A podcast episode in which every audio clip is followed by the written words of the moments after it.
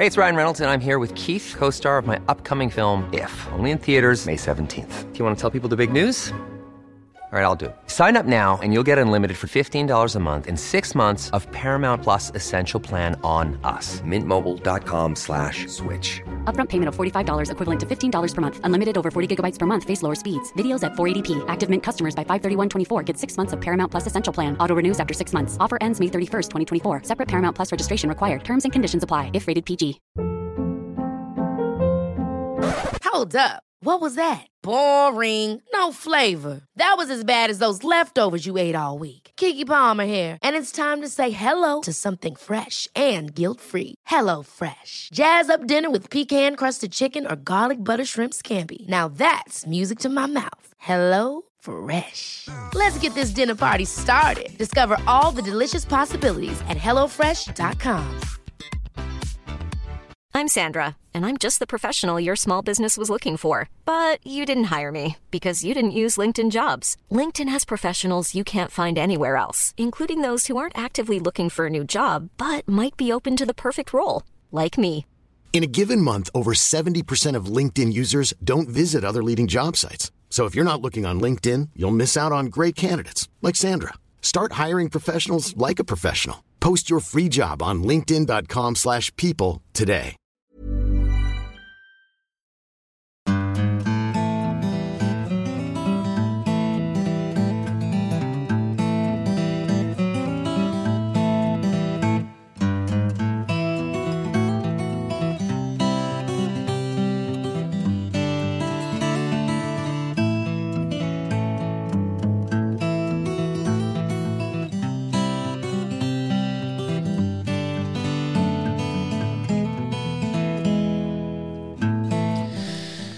Hjertelig velkommen til en ny mandag, en ny episode av din favorittpodkast Hall og knall-podden, og gratulerer med dagen, Kristine. Ja, ditto, Robert. Tusen hjertelig takk, for i dag er det den store valentinsdagen. Ja. Er ikke det deilig? Vet du hva, jeg syns altså valentinsdagen og alle andre sånne merkedager, det bør feires, og jeg syns det er så artig og deilig. Ja. Ja. Jeg har hatt en aldri så liten uh, uhøytidelig undersøkelse. Åh. Markedsundersøkelse i dag. Ja vel. eh, nede på mitt arbeid. Ja. Hvor jeg har eh, spurt folk jeg har snakka med, Ja. om de skal feire Valentine's Day. Ja. Det hele hurven skal du feire. Vet du hva? Valentine's Day det er veldig lite utbredd feiring av det. Nei. Ja, jeg er rystet. Ja, jeg også. Altså, her- Det er liksom den dagen i året hvor man skal feire kjærligheten. Og så gjør man ikke det. Ja, var det ingen som gjør det? Ingen. Nei. Nei. Morsdagen feirer dem. Kan jeg godt forstå. Valentine's Day. Njet. Ja. Det syns jeg er en dag som man absolutt bør feire. Ja. Liksom sette av tid. Om du nå ja, familie som har kanskje unger eller noe, send ungene bort. Sett av tid til deg og kjæresten din. Mhm. Feir dere. Ja, det var faktisk et av argumentene jeg hørte. Å ja. Nei, unger og greier. Man kan ikke drive og feire Valentine's Day når man har unger, man er dungen med unger. ikke sant? Nei. Det kan man vel. Kan man vel? Ja, bare planlegge. Du Og, vet, og, og, og feiring, det trenger jo ikke å være liksom eh, altså en stor fra morgen fest. til kveld. Nei, det kan være når ungene også, hvis du ikke får plassert dem bort, liksom. Hvis du ikke har en besteforelder eller et eller annet i nabolaget. Legg dem nå litt tidlig, åtte-ni-tida, så kan dere omsette et glass rødvin, eller spille yatzy, Så du sier til 17-åringen din Du, eh, nå er klokka halv ni, så eh, nå skal vi feire Valentine's Day. Det er bare å pelle deg i seng. Ja, men 17-åring, det tar ikke som unge. Da kan man heller, altså Til en 17-åring kan du si at gå nå bort med deg, liksom, her skal jeg og far, eller her skal jeg og mor sitte og kose oss litt. For eksempel. Ja. Jeg, men jeg vet jo ikke, jeg har jo ikke unger, så. Nei. Jeg har ikke så store unger. Nei. Nei, men eh, det er jo litt stas å eh, ja, stoppe litt opp og eh, bruke litt tid på noe som er utenom en vanlig hverdag. Er det ikke det? Jeg syns det. Man er, jeg tror det er fort gjort å gå i denne hverdagsfella. Ja. At alt blir bare en hverdag. Ja, men vi, vi er jo glad i hverandre. Ja da, vi husker noe på hverandre. Ja, Men jeg synes, altså, Før jeg møtte deg, eh, så var ikke jeg opptatt av å liksom, de her da, altså valentines og det, men selvfølgelig jeg har jeg jo ikke hatt kjærester som har vært interessert i det. Eh, men det setter jeg veldig pris på, at, at, at vi liksom kunne feire det her valentinsdagen. Jeg husker første gangen du tok meg ut, og det var helt sånn uforventa. Eh, du plutselig sa til meg ja, du må gå nå og hy på deg litt sminke eller skift klær. Hvorfor det? Nei, gjør nå bare det. Og så gjorde jeg det, og så kom jeg liksom inn i kjøkkenet, og der var det et, et rødvinsglass og et kort og blomster. Jeg skjønte jo faen ingenting. Er du sikker på at det er meg du snakker? Jeg Ja, jeg er helt sikker på at det var deg. For jeg fikk minne opp i dag på Facebook. Det er seks år siden. Eh, og så sa du ja, nei, nå eh, vi har skyss ned til, eh, til Bios. Hæ, hvorfor det? Nei, vi skal ut og ete. Og du tok meg ut og på en skikkelig fin sånn date med riktig god middag. Og vet du hva det var? Jeg satte så pris på det. Og det var der vi begynte å feire valentines. Og siden har vi gjort det liksom hjemme og, og gjort stas på oss sjøl og lagd god mat. Og. Ja. Um, det er, men det var jo også liksom ehm, jeg, jeg skjønner jo folk som har vært i lag i en halv mannsalder, at de ikke gidder å gjøre det her hver Valentine's Day. Nei. Overraske kjæresten, blomster, pakke, hjerter, ut og spise, rødvin, skyss, alt det der. Det blir jo, det skal planlegges. Ja. Man skal finne tid til det, og alt det der. Men eh, man trenger ikke å gjøre det så stort. Nei, man man trenger ikke det. Man trenger ikke å gjøre det verre enn uh, Ta på en, uh, en skjorte du ikke bruker hver eneste dag. Ja. Eh, smøre litt ny deodorant under armene. Og eh, ja, lage en eh, litt bedre middag enn man vanligvis ville ha gjort. Ja, og skrive et kort. Et Altså, et kort. Det er så utrolig koselig å få et kort som er skrevet liksom med håndskrift. Og, Ja. Eh, og, ja, og har man ikke tid til eller gidder eller å styre med middag og skjorte og alt det der, skriv et kort. Skriv et kort, ja. Ja. Det tror jeg de aller fleste setter pris på. Og Jeg det klarer det. de aller fleste også. Ja, det tar mm. det ja, Nå vet jo ikke jeg hvor fort man er å skrive, og sånn her, men, men liksom, det tar ikke mye tid å sette ned og skrive et personlig kort. Det tar ikke mer enn den lunsjpausen på jobb, i alle fall. Nei. jeg vet hva jeg setter pris på. Nei. For du har gjort noe helt sånn der eh, ekstraordinært i dag. Hæ? Det at du er helt nyklipt.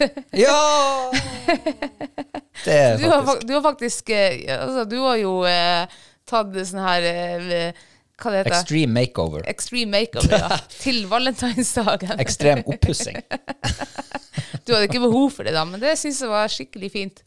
Det Eh. er som en ny mann. Ja, altså, det var jo helt tilfeldig, selvfølgelig, at det ble på den dagen. Det hadde ikke du trengt sagt. Nei, jeg hadde ikke tenkt å si det, men jeg, jeg er av den ærlige typen. Ja, ja. Så jeg vil ikke at uh, ting jeg gjør, skal bli brukt inn i en annen sammenheng. Ja. Så det å- hadde ingenting å helle med. Når jeg våkna i morges, så sto du og var i full uh, face-barbering på morgenen. Det var også helt tilfeldig.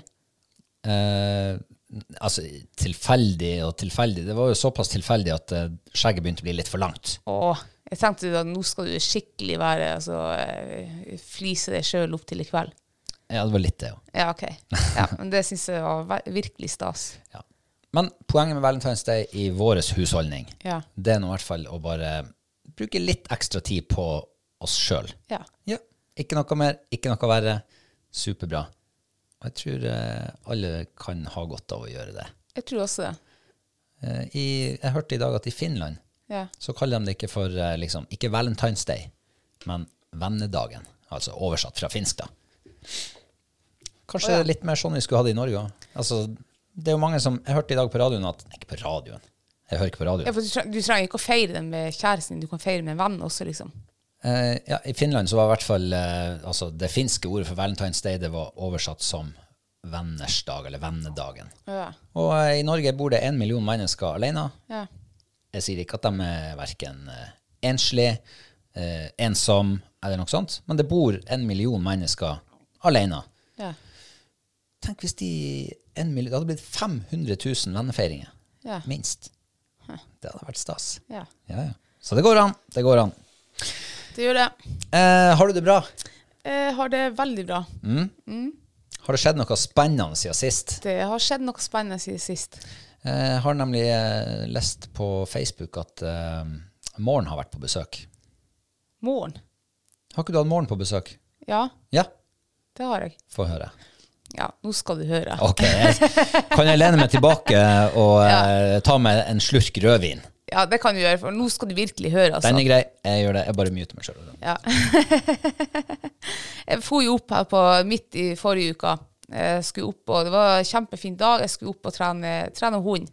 Um, på veien opp der vi har tre mårfeller hengende eller stående, der var det altså Det var så mange mårkrysninger at eh, jeg hadde verken eh, fingre eller tær liksom, til å telle på. For det var, det var helt nedtrødd av mårspor.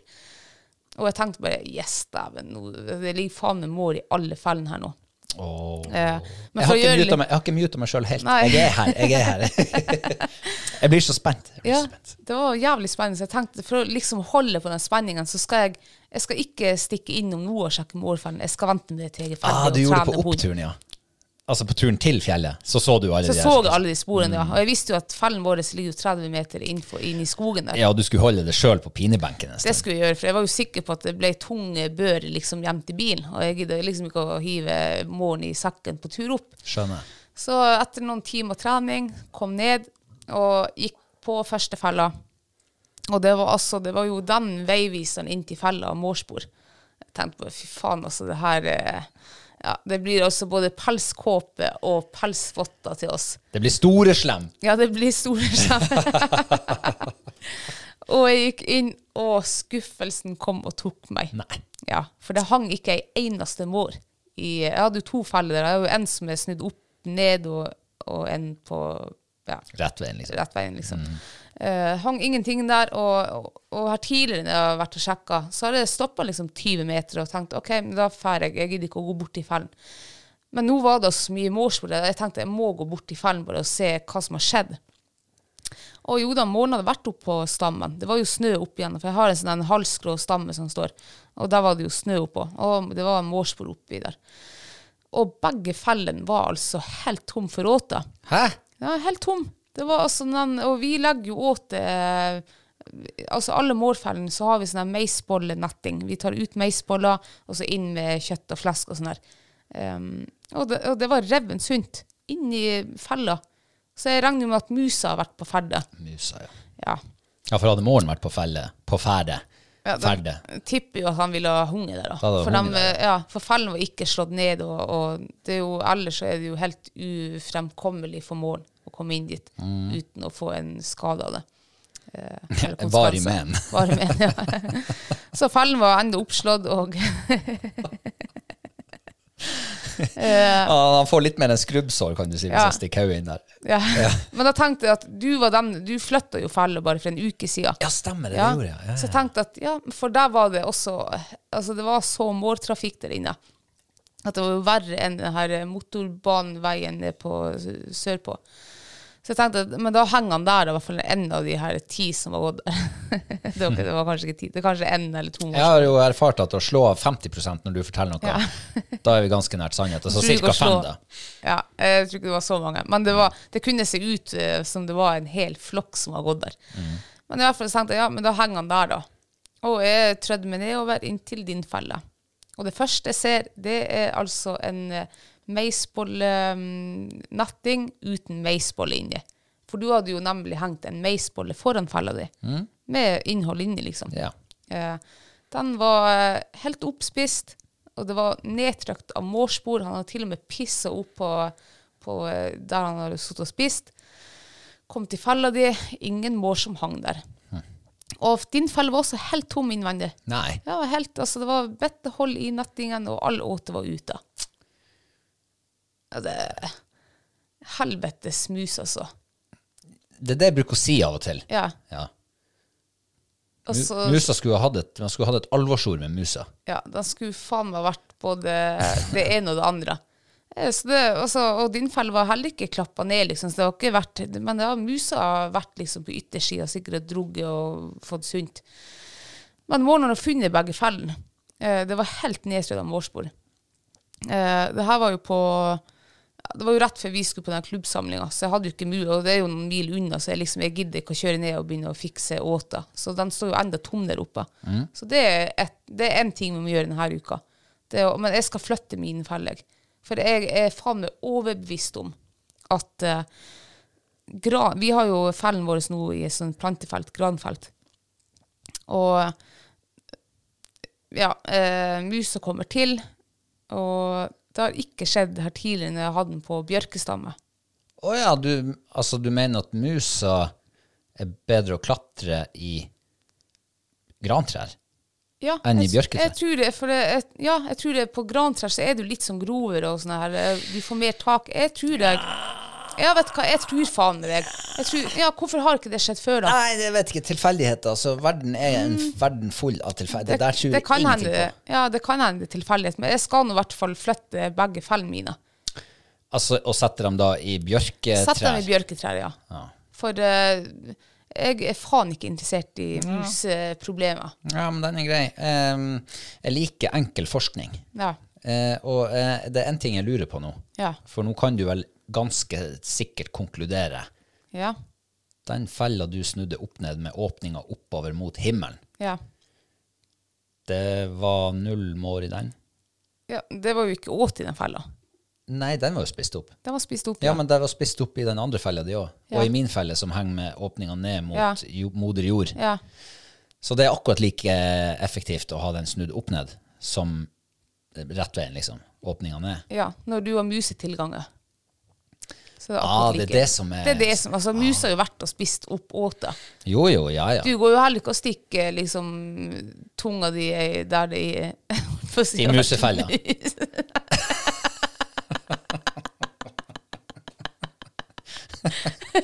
ok. Ja, du, du skjønner hva jeg mener. Jeg prøver, jeg prøver å forstå hva du prøver å si. Du vil jo helst være der det Der det er fersk åte. Ja. Ja. Men eh, det er jo, altså, når det har hunget åte i en felle såpass lenge, ja. så er det jo noe lukt der. Morgen han eh, lukter sikkert bedre enn han ser. Så kanskje han vil stikke hodet inn der allikevel når han blir sulten nok. Nei, Nei. det tror jeg Og det er sikkert altså det er, Ja ja, nei, jeg vet jo ikke. Men det tror jeg ikke. Det henger liksom en, en liten altså en netting der som er hold i, og det er ikke ei åte der inne. Nei. Jeg tror ikke han vil risikere å stikke hodet ned i noe ukjent eh, materiale som han ikke aner hva er for noe. For ingenting.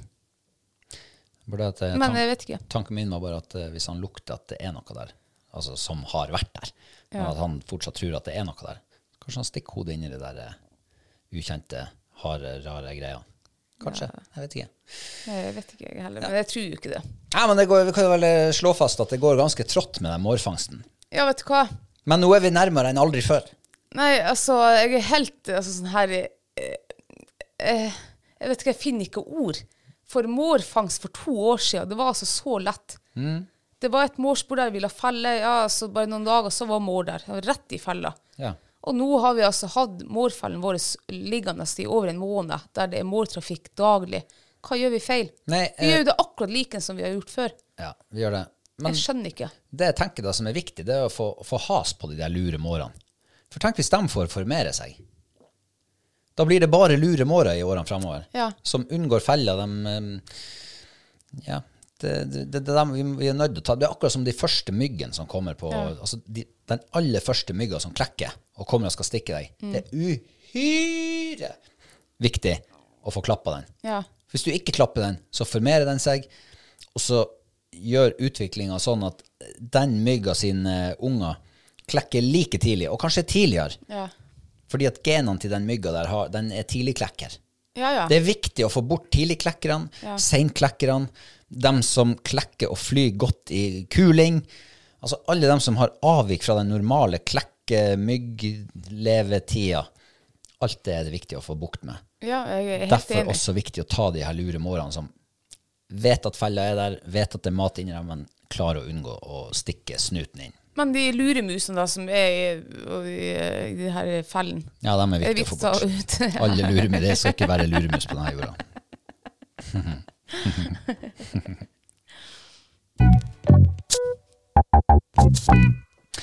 Ja da. Ja, Sånn er det. sånn er det, ja. Jeg har det for øvrig ganske bra, jeg også. Ja, Men det er jo gledelig å høre. Ja. Ja, Så har jeg noen høner å plukke med hos meg sjøl, altså. ja ok. Men det kan vi komme tilbake til. Ja. Eh, vi har vært på eh, kickoff, eh, jaktprøveoppkjøring, ja, i helga. det kan vi jo si, ja. Mm. Eh, Jeg vil bare si, før vi begynner å snakke om det, Mm. at endelig er Norge gjenåpna! Juhu! Det var altså ganske sprøtt. For på fredag, når vi eh, tok ferga til Arnøya, Ja. hvor eh, klubbsamlinga skulle være, så var det munnbind på, Det var tydeligvis ikke påbudt å gå opp i salongen en gang på ferga. Du kunne sitte i bilen, for det var veldig lite Det var sparsomt med folk oppe i salongen. Men alle de som var der, hadde noe munnbind på seg. Og så våkner vi på lørdagsmorgen.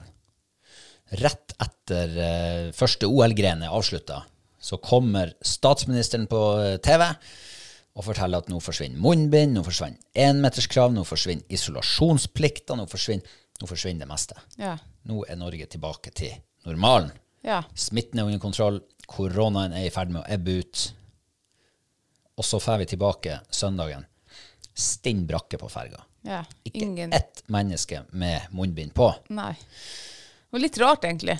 Eh, helt sprøtt. Ja, det var det. Men jeg, jeg tar nå ikke feiringa på forskudd, liksom. For at jeg tenker at um, plutselig så kommer det sånn utbrudd igjen, og det blir uh, overbelasta på sykehus, og vi må igjen i sånne her karantener. Um, jeg syns jo enda at man kan eh, bruke liksom sunn fornuft og vett, og bruke munnbind, liksom. Eh, jeg gjorde ikke det i dag. Det er første gang at jeg ikke har gått inn på butikken med munnbind. Så du rart på de der særingene som gikk med munnbind? Det var ingen som gikk med munnbind. Var det ingen? Men Jo, jeg møtte en. Jeg Ja. møtte faktisk en som gikk inn i butikken når jeg skulle ut. Hun hadde munnbind. Så du litt rart på og tenkte Nei, jeg gjorde ikke det. Jeg tenkte Nei, bare Nei, jeg tenkte Jeg var egentlig litt sånn forferda med meg sjøl at jeg ikke tok munnbind på meg. Eh, for jeg, tenkte, jeg tenker jo ennå at du kan bruke munnbind. Altså, du kan jo tenke på men Din neste. ja, men samtidig så tenker jeg også at Jeg, er litt, altså, jeg er som ei lita unge, sikkert. Jeg tenker jo også at um, at det her som vi har nå pågående sånn med omikron og sånn det, jo, det virker jo som det er litt mildere. Jeg, jeg, kjenner jo folk som, som har det nå, liksom. De er ikke sånn her, det er jo en helt vanlig forkjølelse. Men så er det jo noen det kan være farlig for. Og, og da tenk, men sant, vi har jo hatt eh, eh, influensa og lunge... eh, Hva det heter lungebetennelse. Lungebetennelse. Det er jo også, kan være kjempefarlig for, for folk. I hvert Eh, fall så- veldig, veldig ubehagelig. ja, men det kan være, veldig, det kan være dødens farlig for folk som ikke tåler det. da. Ja. Men vi har jo aldri liksom tatt hensyn til det. Eh, men, men samtidig så jeg føler meg så sjuk, så holder jeg noe hjemme. da. Det er jo det vi har blitt opplært, og det er det vi har gjort. da. Så, og det håper jeg og tror at folk gjør. og Hvis de føler seg sjuke, så, så kan vi nå holde oss hjemme. ja, det håper jeg og tror også. Men jeg syns det er fint egentlig at Norge er åpna. Eh, selv om ikke jeg har følt meg så veldig isolert. Eh, vi har nå egentlig fått drevet på sånn som vi vil. Så, eh, Ja, stort sett. Ja. Mm.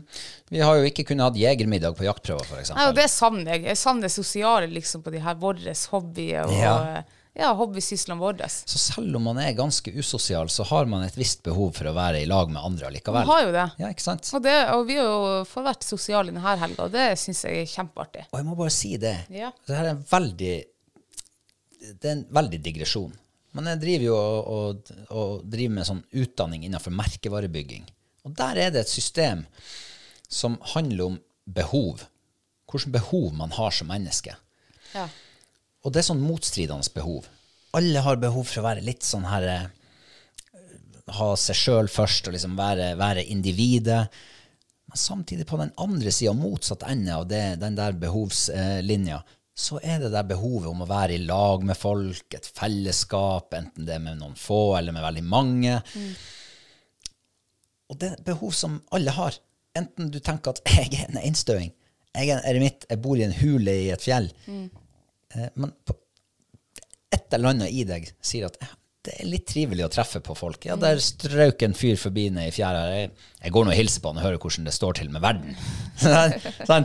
Så selv om du heter Lars Monsen, så har du sikkert sånn av og til og innimellom så har du et behov for å være i lag med en eller flere. Og føle at man er en del av et fellesskap. Og det er jo det som er med de her jaktprøvene og det, ikke sant. Jegermiddagen.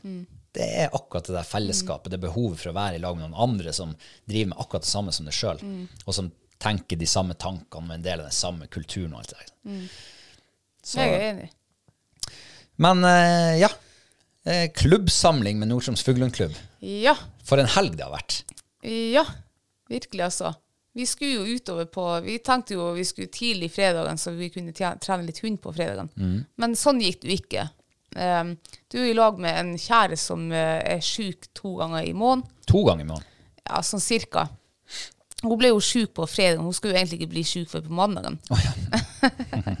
Men jeg fikk altså tante Røs, som vi kalte det før i tida. Uff, det er barnslig begrep. Det er Ja, det er kjempebarnslig. Men hun kom nå da helt sånn der u... u eh, be, Uanmeldt. Uanmeldt, heter det, ja. Ja. Eh, og jeg har jo endometriose, så jeg, jeg kjenner litt ekstra på det enn kanskje de aller fleste. Så jeg lå og knaska, knaska Paracet her Nei, på det gjorde du ikke. Ikke- si at du knasker tabletter, for det høres ut som du driver med noe annet enn å ta en, en smertestillende når du føler behov noen, for det. jeg tok noen smertestillende da. Ja. Uh, men altså, f- så kom det meg litt da på kvern. Og eh, liksom du foreslo bare ut i lufta at men skal vi prøve å pakke litt i bilen, og det går jo en ferge om en par timer, og så ser vi bare det andre. Jeg tenkte ja, det kan vi jo gjøre. Så vi pakka jo, men det endte jo med at vi bare vi pakka når vi var ferdig pakka, så bare heiv vi oss i bilen og kjørte utover. Mm. Og det er jeg glad for at vi gjorde.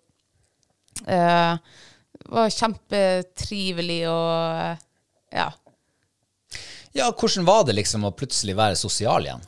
Sånn Nei, på altså, ordentlig? Ja, jeg, jeg liker jo å være sosial. Jeg er jo ikke den sosiale typen, men når det først liksom er i den settingen at, det, at man må være sosial, så syns jeg det er kjempetrivelig. Mm. Jeg syns det er artig å prate med andre ansikt, liksom, og høre andre stemmer. Ikke bare høre min stemme. Nei, liksom. for nå er vi, vi, er, vi to er jo veldig mye i lag.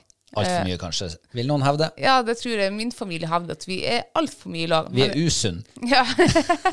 Det her er ikke et sunt forhold. Men eh, så, altså, vi gjør jo alt i lag.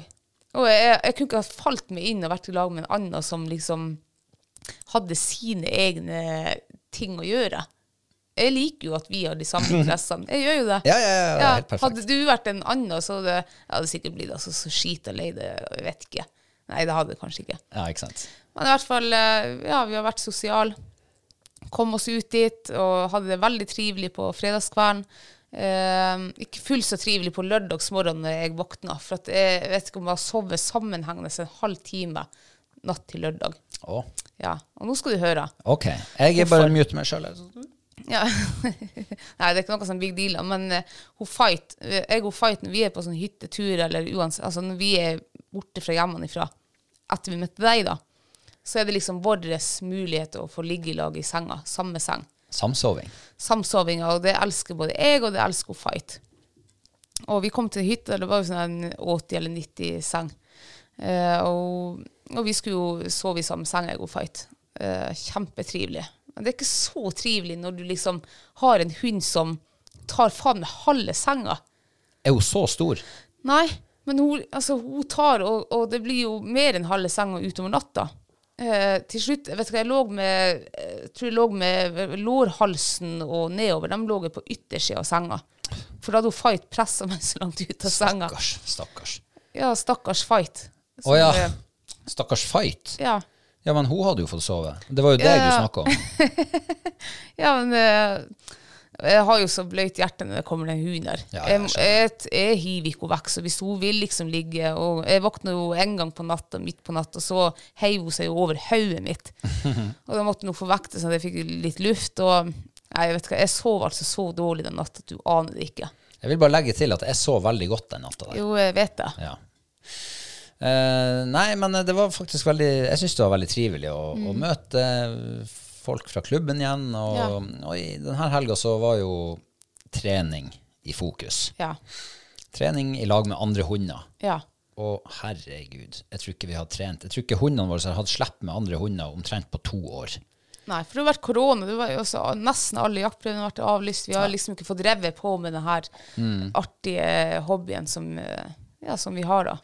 Ja, og har, det har jo demra for meg i løpet av helga at jaktprøve, altså jaktprøvesituasjon, hvordan du er på jaktprøve, hva du skal gjøre, du må prestere, det er litt ferskvare. Ja, det er noe som du må liksom holde ved like, den kompetansen. Ja, det, ja. Når man går alene i to år, eller går i lag med de, de, de samme tre hundene, to-tre hundene, og de samme to førerne, så blir man mindre oppmerksom på hm, her kan jeg gjøre det bedre. Fordi at du har ingen å måle deg mot, Nei. eller måle deg med. Så jeg har mange aha-opplevelser i helga. Oh, ja. Da, ja. Ja. Uh, skal jeg Skal jeg fortelle om det? du nå? kan gjerne fortelle om det, baby. Ja. Han Reborn er jo blitt min hund. Ja. Jeg har han jo på lån hos deg. ja, for du er jo ikke villig å betale 100 000 til meg for han. Nei, jeg, jeg, jeg kan ikke gå og sprenge banken. jeg er såpass ærlig. Ja. Så, nei, så jeg har jo jobba Det her har vi jo snakka om egentlig siden vi begynte den podkasten her. Mitt, eh, min og Reborn sin reise mot uh, gull og glitter. Ja. Ikke sant? Ja. Og så har vi jo hatt våre eh, opp- og nedturer. Men i det siste, siden liksom sesongen starta i høst, så har jeg syntes det har vært en lang opptur. Fantastisk. Og så kom vi nå på, eh, på klubbsamling, og han får slipp mot en hund som han ikke har hatt slipp mot på ja, i hvert fall to år. Han har faktisk ikke hatt slipp mot noen andre på to år. Eh, og da ser jeg jo plutselig at min måte å, st- å liksom styre hunden på, å være lederen i det der eh, jaktprøveslippet, selv om det ikke var jaktprøve, så tenkte jeg at det var det. Den er faktisk Ja, tenkte du når du slapp, liksom først slapp med, med, med ny makker, tenkte du at du var i en jaktprøvesetting da? Eh, Jeg og han eh, Sigleif som jeg hadde slipp mot, Ja. eller som var føreren til den andre hunden, vi gikk jo og pratet at eh, For klubbmesterskapet var jo blitt avlyst Ja. på grunn av at det var litt lite folk som kunne komme utover. Så det skulle jo bare bli trening. Men vi snakka om det at ja, men vi, det blir uoffisielt klubbmesterskap. Ja. Ja, sa han, det er greit det. Så lenge hans hund vinner, så blir det, da blir det offisielt. Og hvis han ikke vinner, så blir det uoffisielt. Og det var nå greit, det. Men, og, men liksom, det var bare en sånn her Ja, ok, da skal jeg tenke som om det er jaktprøve. Ja, men for, øh, grunnen for at jeg spør, da, for jeg følte at du var veldig uengasjert i det første slippet. Ja, ja, ja. ja. Ja. Men eh, det er det jeg skal komme til nå. Ja, ja. For det er det som er poenget. Ja. Det er at når jeg går der og har trening i bakhodet, og han Sigleif har liksom antydet at ja, kanskje vi tar det som en slags jaktprøve, så er man kilt inn mellom barken og veden. Mm. I hvert fall sånn der eh, mentalt. Så jeg prøvde liksom å være på jaktprøve, men jeg var ikke helt det. Eh, og jeg kjente jo sjøl underveis at jeg var jo litt, litt uengasjert. Jeg prøvde liksom å ta tak i meg sjøl, men jeg, det ble veldig halvhjerta. Jeg skal være så ærlig å si det. Men jeg så jo at, og kanskje ikke akkurat der og da så veldig nøye, men sånn etterpå, jeg har jo sett at ja, det er nok et stykke til toppformen min på jaktprøve. I jaktprøvesituasjonen. Eh, det med å liksom ha, å ta styringa, være tydelig, ha en god plan sjøl òg. Hvor vil du at hunden skal nå? Hvordan skal jeg få den dit? Og bare det med plan er jo antagelig det som var rota til eh, at jeg følte at her var det litt å gå på. Ja. Så eh, nei, jeg tenker at det, det må litt mengdetrening til nå. Eller i hvert fall litt god trening. Om ikke nødvendigvis mengdetrening, så i hvert fall trening med god kvalitet. Hvor jeg har liksom noen eh, klare målsettinger. Eh, det er litt eh, stusslig å liksom erkjenne det overfor seg sjøl. At eh, strakk ikke helt til. Jo, det, altså, nå, nå syns du jeg har Graver meg ned litt nå. Ja. Ja, ja. Men du skjønner, hva du skjønner hvor jeg vil, liksom? Ja, jeg, skjø- jeg skjønner hvor du vil, men samtidig så Mange har ikke den muligheten å trene med fremmedmakker. Jeg hadde ikke det når jeg begynte med, med Fuglemo Fight. Jeg var jo, altså, jeg og Fight vi var stort sett enstøing og var alene og trente. Men det å ta liksom den planen Jeg lærte jo de første jaktprøvene jeg så var jeg jo helt uerfaren. Jeg, altså, jeg skjønte jo ingenting. Jeg lot jo bare hunden jakte, og som regel så er jo det godt nok. Men ehm, av og til Jeg tenker i hvert fall en god fører, så du har jo overblikk. En hund, han, han har kanskje ikke den IQ-en og den her eh, planoversikten som det du har, som du klarer å tenke det til. Du ser jo terrenget og har lagd kanskje en plan. Hunden ser vel også terrenget, ja, og, men han følger jo hvor og kanskje, han, kanskje det er en biotopjeger, han følger biotop og alt sånt der. Men jeg tenker at den viktigste rollen til en god fører på jaktprøve, i hvert fall, eh, for da handler det altså på jaktprøve handler det om å finne fugl. Det gjør jo det, så Ja, til syvende og sist. Selvfølgelig, hun skal jo gå og ha fint søk, men det handler jo til syvende og sist om å, å finne fuglen før makkeren, spesielt i VK. da. Så jeg tenker at en, det man kan gjøre som fører, det er bare å, å ha et lite øye med makkeren, hvor han har vært hen. Eh, hvor vil du ha din hund i forhold til makkeren? Jeg tenker min hund, jeg ville bestandig ha min hund i nytt terreng før makker. Det er jo det, for da er størst sjanse å finne, eller hun har størst sjanse å finne fugl. Eh, og det eneste det jeg tenker man kan være med å bidra med hund og, og hjelpemiddel, hvis, hvis hunden har uh, vært oppe i et område med sånn krattgreie, og det var verken lukt du ser, hunden bare springer rett forbi og ned igjen, og så, og så skal han gå opp dit igjen liksom i neste, for man går litt saktere, eller at terrenget sier så at, at hunden blir pressa dit i den samme dalen eller elvesøkket, liksom. Da kan jo du være der og Nei, du har vært der i det området vi sender framover heller. At du har helt nytt terreng, og at du får et forsprang foran makken din. Ja. ja, og det har jeg jo liksom eh, funnet ut at fra, han Reborn er jo veldig sånn Han er jo en god rivierer. Ja. Altså han For dem som ikke vet hva rivierer, er, så er det jo liksom springe sikksakk. Fra Ja. høyre til venstre og fra høyre til venstre. Ja. Du syr terrenget på en måte. Ja. Og han er jo veldig sånn. Han er veldig sånn, ja. Mens hun Fight hun er sånn også, men hun er også liksom biotopjeger. Ja. Så når hun ser at uh, her er det bare 200 meter med månelandskap foran meg, det er ikke så stor sannsynlighet for at det sitter fugl utpå der, Nei. så kan hun si at der borte er et skogholt, ja, dit vil jeg fære. Ja. Jeg vil undersøke det. Og der er ikke han Reborn enda, i hvert fall. Nei. Men tror du at han kan komme dit med mer erfaring, eller at han Ja.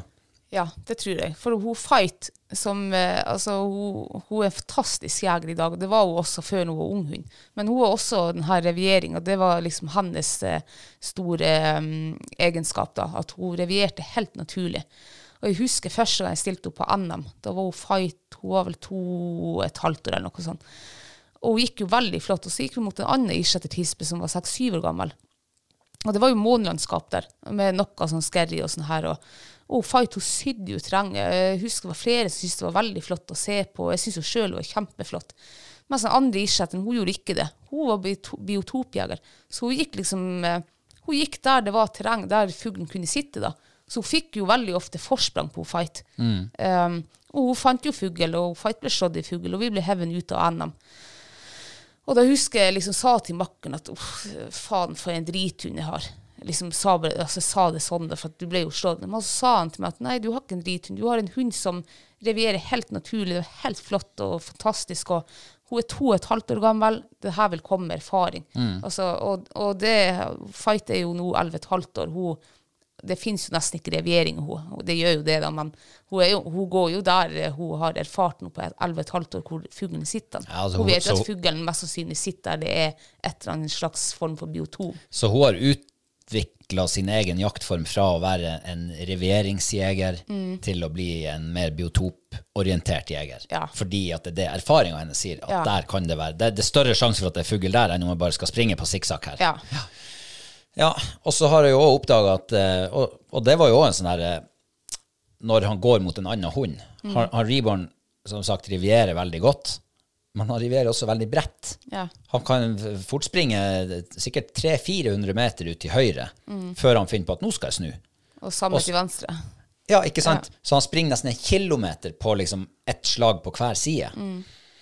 Og det betyr jo noe for framdrifta.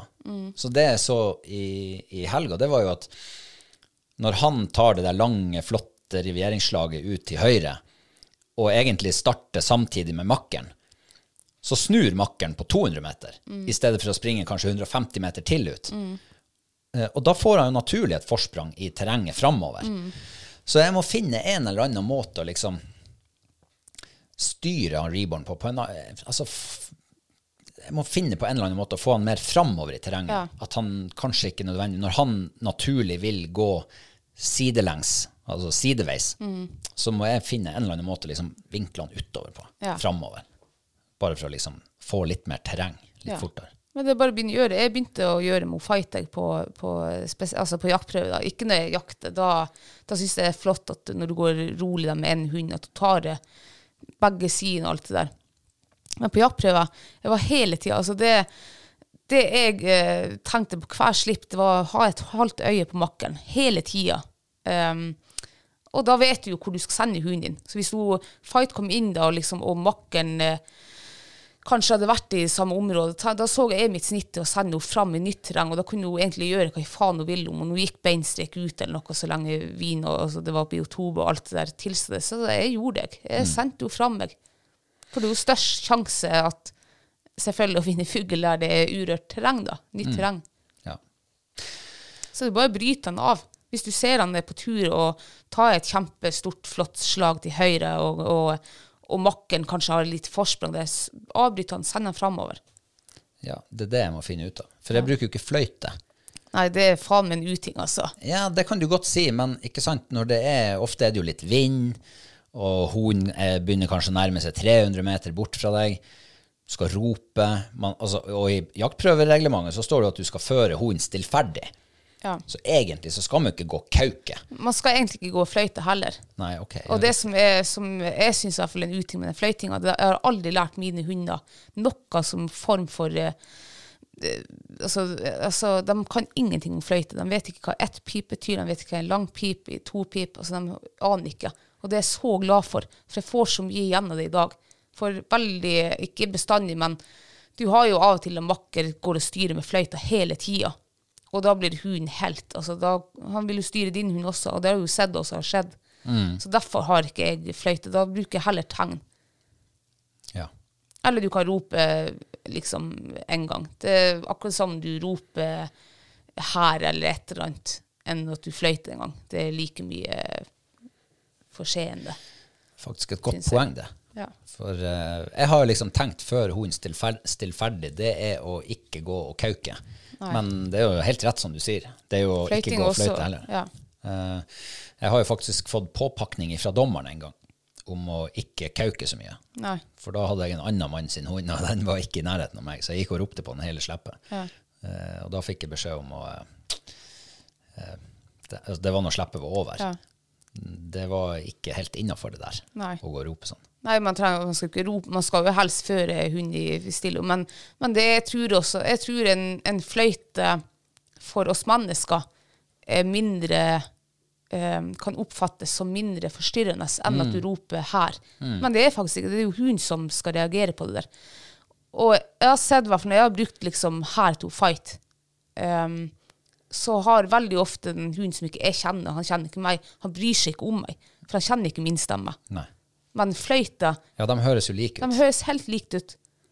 Så det kan være hvem som er. Altså, da, så derfor er trener ikke mine hunder på fløyta. Kommer aldri til å gjøre. Nei, det er faktisk eh, Takk for at du tok det opp. Ja. For jeg har ikke tenkt på det sånn. Og en annen ting, jeg vet jo det, det kan jo være veldig effektivt sikkert å, å fløyte inn hund på sitt. Hjernevaske han og høre fløyte, og så sitter han. Når du skal gå på jakt, da, skal du ha fløyt i kjeften og med hagle der. Så jeg hadde jo faen ikke skutt en fugl for de hundene mine hvis jeg skulle gjort det. Jeg hadde vært helt uh, ukonsentrert. Altså, det har vært så mye ting å huske på. Nei, så jeg Og ja. Ja. Eh, nei, men eh, det er i hvert fall eh, mine sånn her De erfaringene jeg sitter igjen med mest da, Ja. i- ifra helga. Ja, enn du, da? Hva, har du noe lessons learned fra helgas krigerske krigertukter der ute? Ja, lesson learn, eh, men ja, har, det har liksom gått opp et lys for meg, da, eller to. Oh, ja. Um, hun kan ta henne Klopp, da. Ja, du kan ta opp Klopp. Jørgine Klopp. Ja. eh, jeg hadde jo kjempeforhåpninger på å komme liksom ut til Arnia og rype øya. Uh, må jo si det er veldig skuffende egentlig å komme litt ut med, med unghund, for at eh, du har jo altså, Vanligvis er det jo kjempemasse fugl der. Så tenkte mm. endelig, nå skal hun kloppe få bare boltre seg i fugl. Men det skjedde jo ikke. Nei, det viste seg jo at det hadde jo vært folk og trent omtrent på hele øya i halvannen uke. Ja. Og det er klart at eh, hadde jeg vært rype, så hadde jeg også fornet og gjemt meg på en annen plass. Ja. Så du har det, og så hadde du, du, du hadde mye vær også denne helga, spesielt på lørdagen. Eh, men det, hun, hun gikk eh, ganske fint egentlig på lørdag. Sånn. Um, det, var ikke, det var ikke best å sett av henne. Um, det er nå greit. Hun fikk nå gått masse på lørdag. Uh, når vi kom hjem til hytta, tenkte jeg skal nå ta en liten, liten runde med henne alene. i Ja. hytta der. Ja. Så jeg gikk jo i medvind, sikkert en 800 meter, og da var det, liksom, da var det bare stupende til havet. Uh, så tenkte vi kunne jakte oss imot inn tilbake. Det var jo veldig sånn rypete terreng. Men det var også veldig hardt terreng. Det var mye urer og eh, kratt. Så jeg slapp på klopp, og det tar faen ikke lang tid, så ser jeg bare hun har en helvetes fart opp igjen av bratt fjellside. Og, og rett foran henne så er det en hare i full firsprang. Ah, Og jeg får stoppe henne, jeg roper bare nei, og hun bråstopper og kommer ned til meg. Går ut igjen på nytt i et slag mot motvind, og der hiver hun seg jaggu med en stand Oi. foran en sånn svær stein. Men jeg tenkte at ja, her kan det faen meg sitte ryper. Så når jeg liksom er på tur og går opp til henne, da ser jeg jo bare haren sprute ut på andre sida av steinen. Og den ser ikke hun klopptrukkel. Um, så det var en, en hare da hun sto på. Så jeg, jeg roper bare inn, for det der gidder jeg ikke. Ja, for altså, Arnøya er jo kjent for å være rypeøya, men den er også kjent for å være hareøya. Hey, oh yes.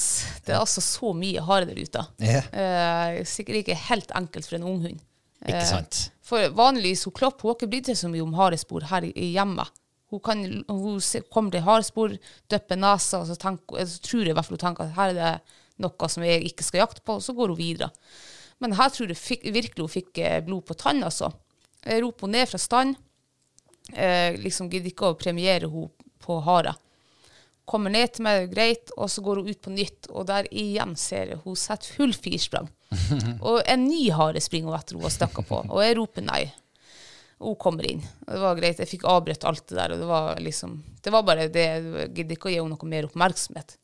Og så fant vi nå heldigvis ikke mer hare tilbake på den turen, men alt det her skjedde på ja, tre minutter, tror jeg. Så hun fikk mye hare på kort tid? Hun fikk mye hare på kort tid, ja. Eh, Ingen fugl. Tror du det der kan skade et ungt uh, jakthjerte, jegerhjerte? Nei, jeg tror egentlig ikke det. Uh, nei. Husker første vilte skaut. Det var ikke for hun fight, men det var når jeg hadde hun fight med meg ut på jakt. Hun var ett år da. Uh, var hun fight ut. Hun hadde støkka på en hare, tror hun fight. Uh, men da brydde hun seg ikke så mye om det. Men haren kom inn til meg, så jeg skjøt den med hagla. Heiv den full fart i sekken før hun når hun kom inn. Og hun fight var jo, hun kjente jo at det var et eller annet som hadde skjedd her. Men det er bare årså det, da. Uh, nå i ettertid skyter, har jeg jo sett å skyte hare fra fight, både i los og i stand. Men jeg gjør det ikke for unghunder. Eh, de må først eh, være 100 på fugl. Men eh, det er nå greit. Og så satt jeg der på lørdagskvelden og skrøt over hvor eh, flink hun Klopp var. Jeg, eh, eh, hun, hun har jo hatt tendenser tidligere i høst og sprunget etter fugl. Og så gjorde jeg jo slutt på det, da. Sprang jo sjøl etter hunden og nappa tak i henne og tilbake til der alt det skjedde, og lot henne ligge der og kjede seg en god og lang lunsjpause mens jeg satt og hygga meg med de andre hundene. Yeah. Og det har jo funka, for hun har jo i ettertid har hun både hatt stand og, og støkka fugl på ganske lang avstand ifra meg, der jeg ikke har trengt sagt noe, hun bare stoppa seg sjøl. Men der ble jeg altså tatt på senga på søndagen. Eh, Da var vi ute med flere folk. Vi gikk liksom i en sånn jaktprøve. Vi var jo sikkert ti hunder og flere mennesker, og det her var jo helt nytt for Klopp. Så det var kjempetrening for henne. Ja, Kjempe- absolutt. Ja, ja, kjempemiljøtrening. Um, og så fikk jeg Jeg skulle jo prøve å slippe henne en gang med makke, men det var jo bare tull. Det var fløyting og, og sånn der. Så det kobler hun bare med det samme. Jeg gidder ikke det der. Hun er ikke klar heller for makker ennå. Um, men uh, vi fant jo fugl helt på slutten av dagen. Og de fuglene som, uh, som en hund fant, de jo bare, fløy jo bare 50 meter og landa. Og virka sånn supersnill. Så jeg fikk jo liksom tilbud om å slippe å kloppe på dem. Og det var jo greit. Slapp heller, slapp hun ikke. Du skulle slippe henne til meg, men Klopp var jo helt koko. Hun for jo bare ut i søk. Og jeg sto og ropte på henne, for jeg ville jo helst ha henne ved min fot, øyekontakt, og så er det jeg som bestemmer at nå får du lov å gå ut og jakte. Sånn skjedde det ikke. Jeg lurer faktisk på om det, om det her, hele den her eh, knuten på tråden eh, ble til. Ja. For hun gikk bare ut, der som fuglen først satt, og var helt sånn her eh, Hørte ikke på Sant, helt ferske spor og alt. Helt ferske spor og alt. Hun så jo også rypen for derifra. Jeg fikk ikke kontakt med henne. Eh, Så etter jeg hadde ropt noen ganger på tenkte jeg gidder faen ikke. Og så prøvde hun bare å gå framover for å føre henne liksom imot vinden, mot der fuglene satt. da. Jeg vet ikke om hun så meg, men hun for nå framover da, og heiv seg i stand. Og hun sto det en stund, eller en stund, hun sto det en kort stund, eh, avanserte på, stoppa opp, kort stund, avanserte igjen, bare noen få meter, stoppa i stand. Så her dreiv hun på. Og jeg filma jo det her. Jeg fikk filma liksom siste slutten av det her. For jeg, det gikk så fort at jeg, jeg skjønte ikke helt hva som skjedde der. Men jeg har jo sett det i ettertid på filmen, men det kan jeg komme tilbake til. Og sånn her dreiv hun på liksom, mens jeg gikk imot henne. Stoppa opp, gikk et par steg, stoppa opp, gikk et par steg. Rypen opp, hun etter. Og jeg eh, brølte jo nei, nei, nei. Hørte jo faen ikke Nei, på meg. nei, nei.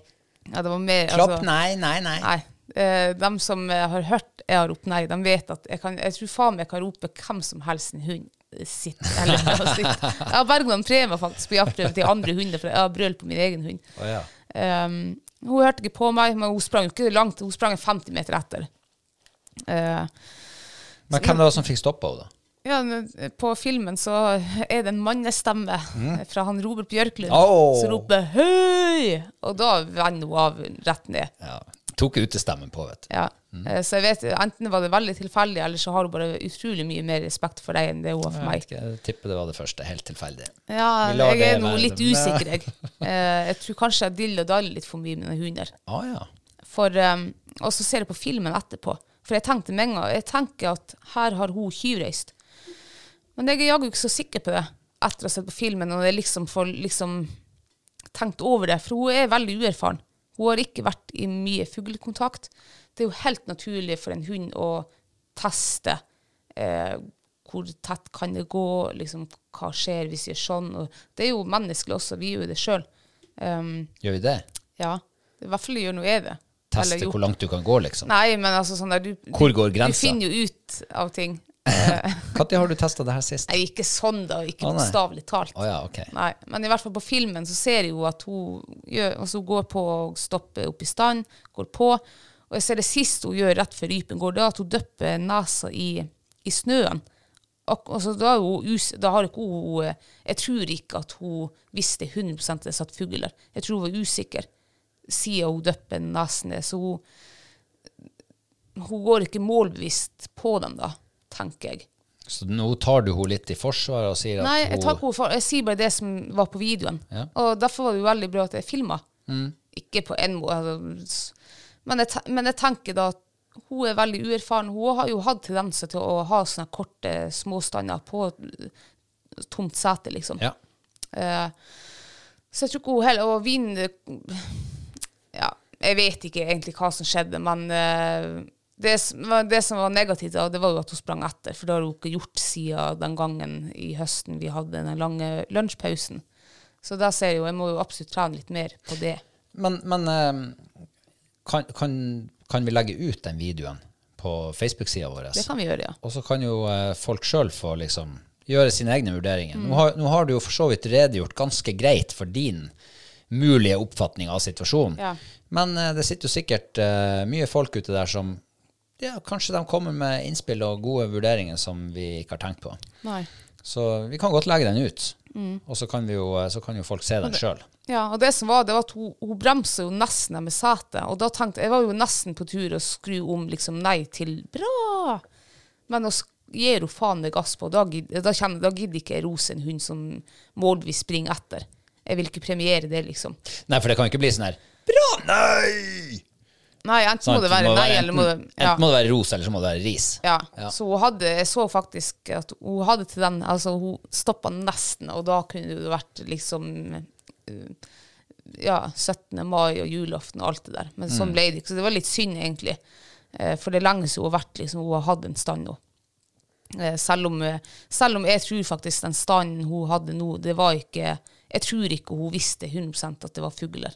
Nei, det er klart at det var jo fugl som hadde landa der for Rett nylig. ett og et halvt minutt siden. Ja. Så det altså Jeg vet ikke hva det lukta av nyslått fugl, men alle sier jo at nyslått fugl er vanskelig. Mm. Og det er klart for et, eh, en utrent nese og et utrent hode Ja. så, Det kan godt hende at man blir litt usikker da. ja. Hun merker jo selvfølgelig at det var lukt der. Ja, ja. Ellers hadde hun ikke stoppa. Men også skal det jo også sies at eh, bare for å analysere litt videre, vin var litt sånn snurrete der oppe. Eller den endra litt retning. Ja, litt retning. Av og til kom han rett ned fra fjellet, og av og til kom han litt mer liksom ned dalen. Så det var liksom Ja, den, den var ikke helt konstant, den vinen. Nei, den var ikke det. Så det er klart at, uh, at man kan miste strålen litt og liksom prøve å finne seg tilbake igjen. Det kan godt hende, det òg. Og er du veldig uerfaren, da, så kan jo det sikkert rote til hele planen litt, eller hele opplegget ditt. Så, så, enten, så jeg vet ikke, enten så hadde hun dem ikke 100 at hun var usikker, eller så visste hun at her var det noe, nå skal jeg, altså at hun, hun prøvde liksom å se hvor, ja, hvor nært hun kunne komme, eller noe sånt. Og hun Fight var jo litt sånn på, um, i begynnelsen jeg trente med henne. Det var veldig, det endte veldig ofte opp med støkk. Altså i, i hennes unge år. Ja, ja, hennes unge år. Ja. Du, derfor jeg gidda jo ikke mer med den hunden. Jeg elte henne hjemme i hundegården i et halvt år. Hun feit. Ja, Stakkars. stakkars, Ja, til Johannes at nå må du begynne å prioritere den hunden. Men jeg syns det var mye artigere å jakte med mora, for at hun tok jo stand, Ja. eller holdt på fuglen. Så, men det er jo bare en, en Så de må jo få øve seg. Og jeg er jo glad for at jeg at det er Loto-fight. Jeg ble jo aldri sur på når jeg endte i stykk. Jeg ble liksom litt sånn fortvilt inni meg, for jeg tenkte at det her det var god vind, her kunne du ha stoppet opp. Du hadde ikke trengt å gå liksom helt opp til du hadde Men eh, motsetning til Fight og Klopp, det var to Fight, hun har jo aldri jaga fugl før. Hun har aldri hatt interesse av å springe etter fugl. Men det har jo Klopp. Og det var det som var med det her, da. Det var ikke det at hun om hun støkka dem opp, eller om hun kjørte dem opp. Men det var det at hun sprang etter dem. Det syntes jeg var litt unødvendig. Og det, men det var jo greit å få vite nå, da, for da har hun en jobb å gjøre. Ja, og det var det jeg skulle til å spørre deg om. Du nevnte jo her i sted at du måtte kanskje gjøre noe med det her. Eh, kanskje du måtte begynne med litt eh, dressering eller et eller annet. Ja. Hva, hva du tenker, altså hvordan skal du unngå at sånn her skjer igjen for mye? Eh, ja, jeg vil jo helst trene hjemme med det. Det, ikke, det florerer jo ikke akkurat med fugler. Så jeg vil jo ikke gjøre hver fugl, hvis det her skal være noe, en ting framover, at hun springer litt etter dem. Jeg vil jo helst unngå å gjøre hver fuglearbeid som hun har til en sånn negativ opplevelse. Heller sånn, jeg vil jo helst at det skal bli en fest for henne. Eh, Jeg gjorde det ikke i går. Bare, men jeg oversett, når hun kom inn til meg, så det oversett. Hun bedde hun sette seg, og så slapp hun ut så hun fikk utreda. Eh, nei, det jeg må gjøre hjemme, da, det, jeg tror jeg må leke litt med henne. Leke, liksom leke, gå tilbake egentlig til den valpegreia. Leke sitt med henne. At hun bare er At hun er trygg på meg, at vi er et team. Når jeg faktisk, når jeg forlanger at hun skal sitte, så skal hun gjøre det. Og da er det kjempeartig. Noe sånt, kanskje. Så back to basic, liksom. Ja, litt back to basic. For jeg vil jo helst at hun skal egentlig lykkes. Og sånne langliner, du kan jo gjøre det også for å holde dem fast. Um, men jeg syns det er veldig tungvint. Jeg har aldri brukt langline før, og jeg skjønner egentlig ikke helt greia med det. Uh, men det er sikkert at jeg er helt uvitende. Jeg kan ikke noe om det. Men eh, jeg, ja, så jeg må bare, jeg må bare prøve liksom litt sånn Men altså, jeg må bare si at du har jo en viss erfaring med å trene opp hunder. Og du har aldri gjort det med langline, da, siden du nevner det. Så, så du har jo en vei eh, til målet Ja. uten å bruke langline. Så du kan jo det her. Du vet hvordan man skal gjøre det. Det er jo ikke noe nytt. Du skal bare gjøre det en gang til. ja, jeg, ja, ja. Eh, Så du trenger jo ikke å liksom finne opp et eller annet krutt som du ikke kan noe om. Ja, altså, nå har jo jeg vært veldig privilegert med, med i hvert fall det Isjetter-kullet som jeg har avlet fram, da, og Fight og alle de her. De har hatt null jagerlyst. Så det har vært utrolig enkelt. Ja, sånn, ja. Ja, så jeg har egentlig ikke så mye. Men jeg har jo hatt andre, jeg har jo hatt hund på trening her som har eh, ja, hatt jagerlyst, og, og som har fått til, da. Uh, Mor to Fight hadde jo jagerlyst. Uh, det er jo helt utrolig egentlig at Fight og hans avkom ikke har det. Uh, så det har jeg jo også fått til. Så ja, jeg har jo litt erfaring med det. Det har jeg jo. Men det er lenge siden jeg har gjort det, da, for Fight og hans avkom som de har beholdt, de har liksom ikke hatt Det har vært så enkelt. Du har aldri trengt liksom å, å blande det inn det, for de har ikke hatt jagerlyst. Men eh, apropos fight. Mm. Har eh, du fått noe aha-opplevelser med henne i helga? Nei, ikke noe sånn aha-opplevelse. Har du hatt noen opplevelser med henne i helga? Det har jeg absolutt Ok, ja vel, få Eh, høre. Jeg bare muter meg sjøl litt. Skal du bare prate. Ja, hun Fight hun er jo 11,5 år nå. Eh, jeg har jo tenkt at eh, i fjor på den her mislykka jaktprøven vi fikk lov å delta på med svømmeføre og en hund som eh, så egentlig litt sliten ut den dagen der, at det var det siste. Men jeg syns hun Fight altså, hun er altså så unik. Hun jakter egentlig akkurat sånn som hun har gjort de siste årene. Eh, jeg legger liksom ikke Jeg ser liksom ikke noe sånn her store forskjell. Jeg ser jo at hun farta er jo ikke den hun hadde som hun var, når hun var 6-7-8 år gammel. Eh, men hun jakter så erfarent og står på og Så eh, det var utrolig artig å få gå sammen med en ung makker med hun Fight. Eh, for jeg ser jo absolutt at hun har, eh, hun har, hun har selvfølgelig noe å gjøre ennå i VK. Vinnerklassen. Ja, Ja. i vinnerklassen, ja. Uh, hun er jo ikke den som nødvendigvis er sprut og frasig. Hun vinner ikke 100 meter sprint, liksom. Nei, det gjør hun nok ikke. Nei, men hun kanskje hun kan vinne et maraton. Hun kan vinne et maraton, hun Ja. Mm. kan vinne et jaktprøveslipp, hun kan vinne liksom Ja. uh, Så det var så gledelig å se. Og det var jo det var ganske bra føre, var det. Uh, Så jeg syns hun fight gikk så fint og erfarent. Og, Og det her, akkurat det her har vi jo gått og pratet om i hele høst og i hele vinter. Mm. At treffer vi på en jaktprøve der det er bra føre, Ja. der det ikke er supertungt føre, Mm. litt tungt, litt, sånn, litt jobbeføre, det tror jeg fortsatt Ja, du kommer til å, å håndtere ganske ja. bra. Men får du det, der, sånn, det vi kaller for svømmeføre, Mm. da har ikke hun noe der å gjøre. Nei, hun har ikke sjans. Det det var i fjor. Og, og det er ikke for at hun ikke eh, gir Altså, det er ikke for at hun slutter av. Men hun har rett og slett ikke kropp og eh, funksjonalitet mer til å ta seg fram i djupsnø. Jeg så henne i fjor, hun prøvde jo, hun, altså, hun gikk jo på full maskin, men hun kom seg ikke framover.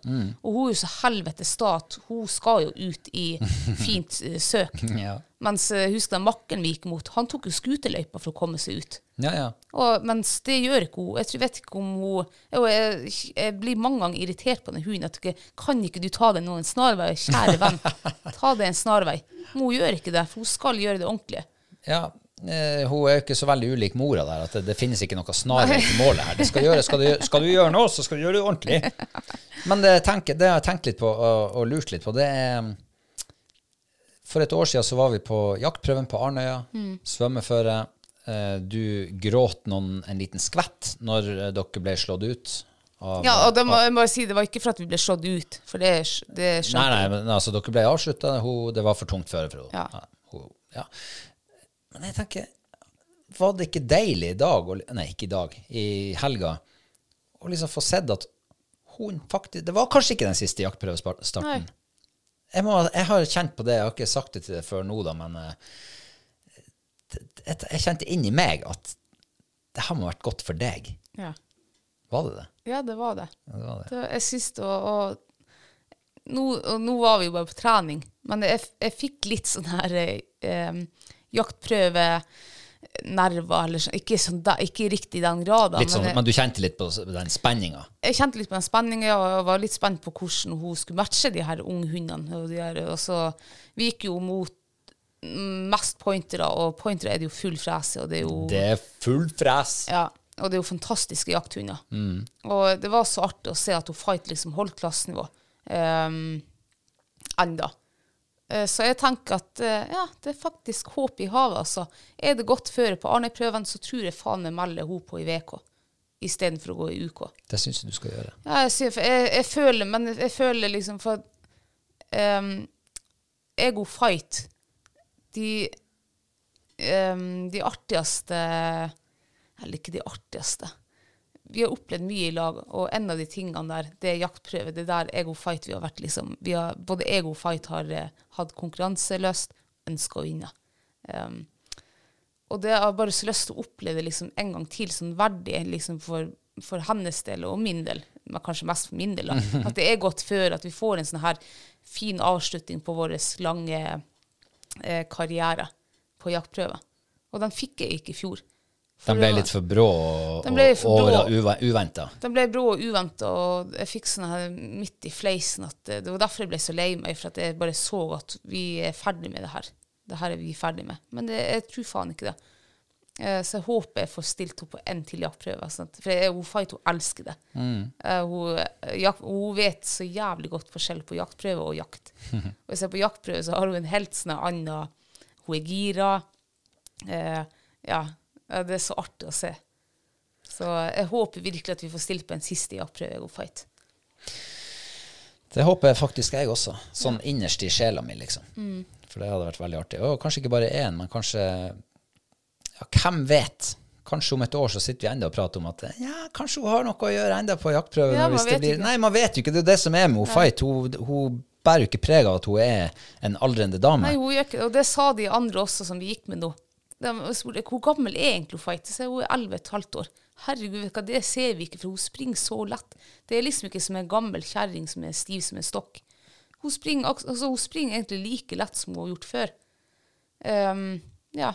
Og ikke blir hun stiv og støl. Det, altså, jeg merker ingenting på at hun er gammel og grå. Eller gammel. Foruten, altså Hun er grå i ansiktet. Det er det som er Så hun er gammel og grå. Ja. Ja. Men det er det, det er det som er merket på henne, at hun er, hun er kjempegrå i ansiktet. Hvit. Ja. Nei, men Det blir spennende å se. Ja. Um, jeg vil jo bare si at jeg som mann uh, Nå er vi, nå er vi ferdig med, med Fight og Reborn og, og Klopp. Ja. Men jeg vil bare si at som mann så skjærer det meg innerst i hjertet når bilen streiker. Ja. Og i helga så har altså bilen streika. ja. Eh, når vi kjørte utover til Arnøya på fredag, så eh, nevnte jo du en sånn her rar lyd som hadde vært i bilen. ja Dunkelyd, og så, og så hørte vi den der Det var en eh, lyd som av og til så minner det om et eh, blackdeksel som eh, vibrerte i vinen. Og av og til så hørtes det ut som at det var et eller annet annet som gikk i Ja. Og når vi kom til Arnøya, stoppa på butikken og eh, ja, skulle inn og kjøpe litt snacks. Skulle rygge ut derifra, så small det jo under der en eller annen plass. Ja. Jeg måtte bare stoppe og hoppe ut, krype ned på marka og kikke under. Og der henger jo mellomaksjelen i Altså, det så ut som holdt på å ramle fra hverandre. og du vet når du, hvis du kjører utfor, du vet kanskje ikke det, men jeg har vært i en utforkjøring en gang Ja. altså skikkelig alvorlig. Eh, men, men det er ikke bare meg, da. Men, men så man hører jo ofte at det, tilfeldigvis så kommer det en lege forbi, og så får du kyndig hjelp. ja. Kjører du utfor, eller, eller får feil på bilen på Arnøya, så plutselig så dukker det opp en mekaniker. ja, takk. En verksmester. Og jeg, jeg bare veiver til han. Stopp, kom hit. Pekte han under bilen. Hva er det der for noe? Hva, hva, går det an til å gjøre noe med det her? Og han eh, åler seg ned der og kikker bare. Nei, det, det der er bare, det der kan du ikke kjøre med. Må stopp, parker bilen. Her er det, det er ikke håp i havet.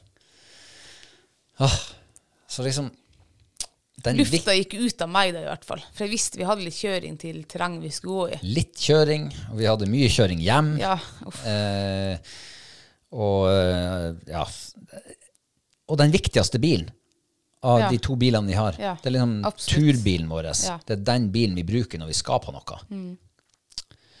Nei, jeg kjente bare at uh. Og når man googler hva det koster for en mellomaksling, oh, ja, da, er det, da kan snakke vi om å sprenge banken. Ja, det er egentlig bare å ikke melde på noe jaktprøve i vinter. Ja. Så eh, ringte jeg til forsikringsselskapet og sa at uh, bilen står i Årviksand. Eh, den kan ikke kjøres, men kan dere være snill å hente den? Ja da, de skulle bare ringe til han der bilbergeren. Ja. Så ringer han opp og sier står virkelig bilen i Årviksand? Ja, sier han gjør det. «He- Helt ute i Årviksand? Ja, beklager, men dere må hente den her. altså, det er ferge, og det er skredutsatt terreng, og det Ja. er skredtunneler, og det er Kolonnekjøring og ja, hvor Stakkars han bilbergeren, altså. Jeg syns litt synd på han. Men, men det er faktisk et eh, lite skår i gleden, det. Ja, at eh, det. bilen vår har uh, streika. Ja. Og det er jo mest altså Det er jo den bilen jeg bruker. Eh, Så jeg føler meg jo ganske sånn her Ja, nå er virkelig koronaisolasjon eh, kommet eh, min vei, kjenner jeg. Når isolasjonen ble oppheva, så føler du deg plutselig isolert. Ja, jeg vet hva, jeg måtte faen meg haike meg ned til Storset i dag. Ja, tenk ned til Mellaveien, låne mamma sin bil, og så haike med deg hjem igjen. Ja. Det Uff. Back to the teenagers. ja. Ja. Men det skal jeg si, altså, jeg har i hvert fall lært noe av det her. Eh, For den dunkelyden den kom jo faktisk på torsdagen, eller onsdagen, eller det var nå en gang midt i uka, når jeg var med på trente hunder. Eh, Plutselig begynte det bare å dunke, og sånn Og jeg tenkte jo, er det is som har løsna? Og jeg sjekka jo liksom hjulene, for det hørtes ut som det kom liksom fra høyre hjul. Og, men jeg fant jo ikke noe. Og jeg tenkte jo aldri tanken til å liksom sette meg ned på knær og så bare kikke, gløtte under bilen. Eh, ja, det slo meg ikke. Nei. Så nå har jeg lært, eh, når jeg hører neste gang sånn her dunkelyd og sånn her, eh, sjekk nå under bilen også, ikke bare gå og kjenne på hjulene hvis, hvis, hvis det er ok. Da må det jo være noe annet. Ja. Og det var jo helt merkelig at det plutselig skulle løsne is. Uh, ja, jeg vet ikke. Uff. Nei, ehm, jeg, jeg har i hvert fall i alle år sagt at jeg kommer aldri til å kjøpe en bil som, er, som det står i annonsen at den er jentekjørt. Dæven, du, teit. For du ser hvilken vei det går. Du kjørte nå sjøl med den bilen der på fredagene. Ja ja, men du hadde jo undersøkt bilen. Du hadde ikke funnet noe galt med den. Nei, men du skulle ikke stole på en hjemtekjørt bil, baby. Nei, det, det er lesson learned for min del også. Men eh, inntil videre i hvert fall så er vi nå pris prisgitt den her den, eh, lille humla vi har. Stasjonsvogn. Ja. Så vi får se om vi får, eh, om vi får løst det på en eller annen høvelig måte. Ja. Det var altså eh, ja, klubbsamlinga i helga. ja. Mye lærdom, mye som har skjedd. Men nå skal vi over på eh, ukas mathøydepunkt. Ja. Det er ikke så mye å velge mellom, føler jeg.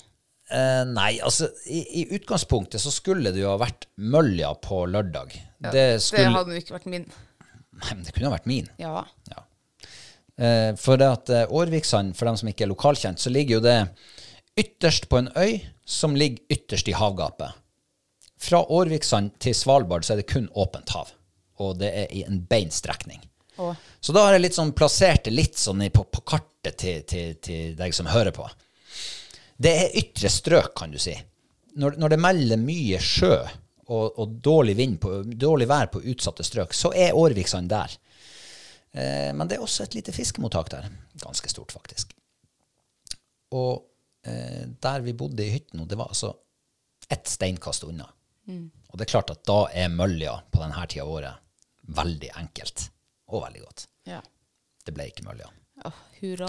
Koronarestriksjoner og greier. Ja. Så da ble det taco i stedet. ja, det var egentlig litt Jeg blør innvendig. Jeg, jeg syns taco var eh, bedre enn mølje. Ja, Men var det et mathøydepunkt? Nei, det var det ikke. Nei. Hva var mathøydepunktet denne uka? Mitt mathøydepunkt denne uka, det var ja, stekt nesten fersk kveite med den her kål... eh, Ja, kålsalaten. Ja. Ja. Eh, og jeg kunne ikke ha vært mer enig. Nei. For i forrige uke så snakka vi om kveita. Mm. Den samme kveita som et mathøydepunkt. Ja. Den leverer jaggu i år òg. I, altså, i, i dag òg. Det var altså som, det var om- som den var fersk. Ja. Og denne kålsalaten, det er egentlig den som gjør en forskjell. Eh, kveita var god, den. Um, utmerket. Ja, kvalitet. veldig god vann. Ja. Men den kålsalaten Fabelaktig til stekt fisk. Ja, den er altså så god. Eh, eh, det det er nesten så jeg skal legge meg ned på kne og bare tilbe deg for det at du har oppdaga den der salaten. Ja. Eh, og den vil jeg anbefale på det sterkeste Mm. til alle og enhver. Har du en bitte fisk som du har tenkt å steike, så prøv den kålsalaten. Og vi hadde jo en sånn her idé om at vi har skrevet den oppskrifta på nettsiden vår en gang. Vi Mm. Det fant den ikke. Vi leita masse før det demra for oss at den er ikke lagd i lag med, den er ikke skrevet i lag med kveite, den er skrevet i lag med torsketunge. ja. Så hvis du har lyst til å prøve denne salaten, det er hodekål, og det er mais, og det er paprika, og det er lime, og det er honning, og det er salt og pepper, og jeg husker ikke hva som var i den. Nei. Det var i hvert fall veldig godt. Så går du inn på nettsida vår, og så søker du etter torsketunge. Og da finner du den oppskrifta. ja. Terningkast Eh, fem. her også. Ja. Det var altså så godt, var det. Men jeg elsker jo kveite. Og, og jeg elsker fersk kveite. Og den her var så altså Det smakte nesten fersk av den. Men det var sikkert at vi hadde fressa ned fersk. Å, herregud, det var godt. Altså, fryser man ikke ned fisken fersk? Er ikke det vanlig, det? Jo, altså, men at han, det var en uke siden liksom, vi frøys han ned. Ja, det er sant. Ja. Um, og siden sist så har vi også fått um, vi, vi fortalte jo at um, han, han uh, Mats skulle sende oss uh, sånn pølseskinn. Ja. Og det har vi fått nå. ja. Og jeg gleder meg så uh, til å prøve å lage det her. Jeg håper vi får til å gjøre det denne uka. Mm, det gjør jeg også. Ja. Herregud, det ble godt. Men hva, jeg så det var en sånn storfepølseskinn og en gris. Hva er forskjellen? Ja, spør du meg, så Er spør det jeg deg. smak, eller nei, nei, Jeg lurer faktisk på om jeg så noen centimeter. Kanskje det er tjukkpølse, storfe, og så wienerpølse, gris, kanskje. Ah, Kanskje det er det, ja. Kanskje det, ja. Eh, men uh, han har jo sagt at vi må ringe til han før vi skal begynne. Ja, da må vi det. Men vet du hva jeg ble så glad for? Nei. Eh, ja, hundene mest, da. Det var at han har sendt en, ikke bare en liten gavepakke, han har sendt en stor gavepakke med altså tørka fiskeskinn til hunder. Ja, det hundesnacks. Ja, hundesnacks. Det har aldri vært borti. Vi, vi har jo liksom kjøpt tørrfisk, og, og vi har jo fiska i mange år og flekka av skinnene og kasta det.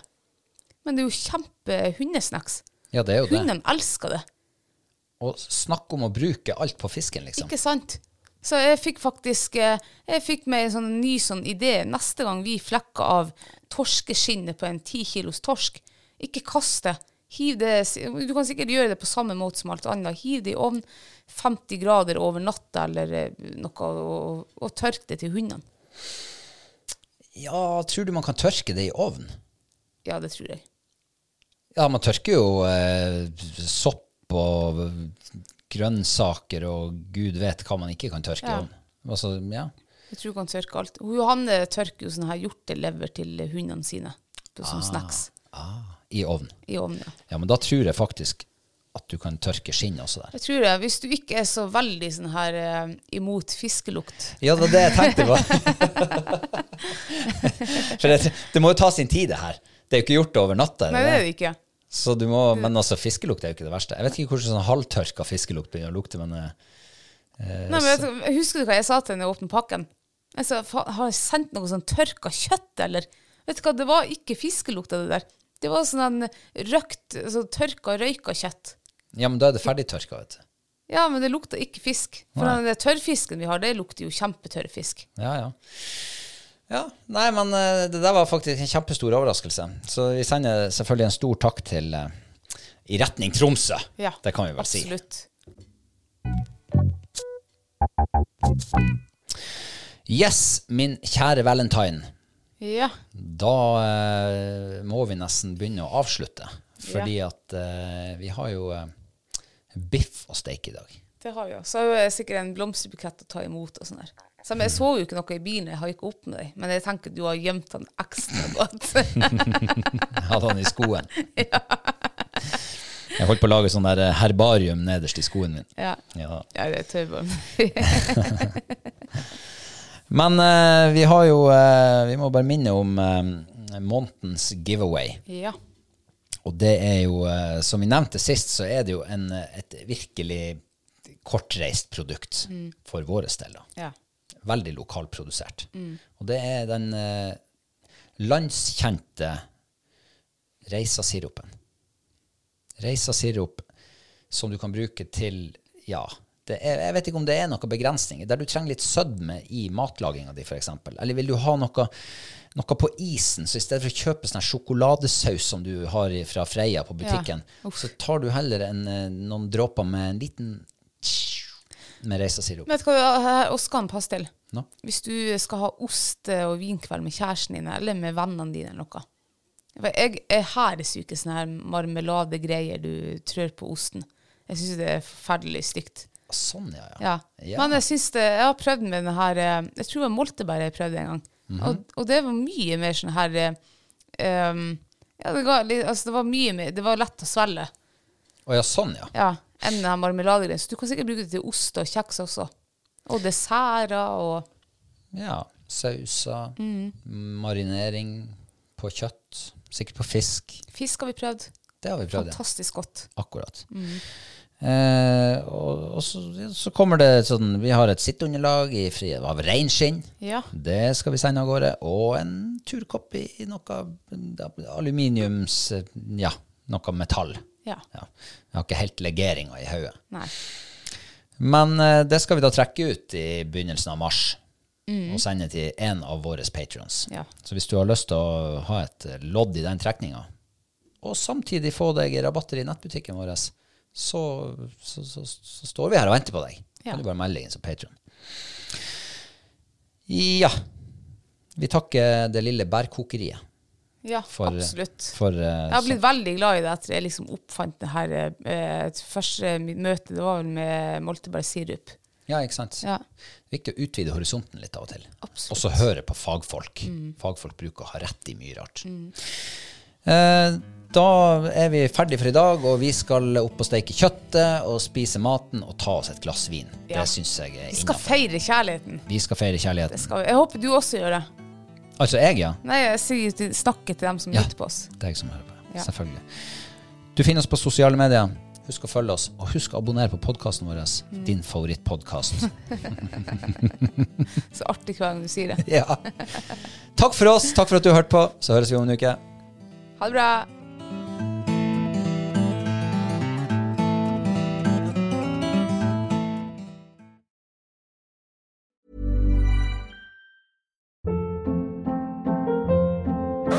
Hold up. What was that? Boring. No flavor. That was as bad as those leftovers you ate all week. Kiki Palmer here, and it's time to say hello to something fresh and guilt-free. Hello Fresh. Jazz up dinner with pecan-crusted chicken or garlic butter shrimp scampi. Now that's music to my mouth. Hello Fresh. Let's get this dinner party started. Discover all the delicious possibilities at hellofresh.com.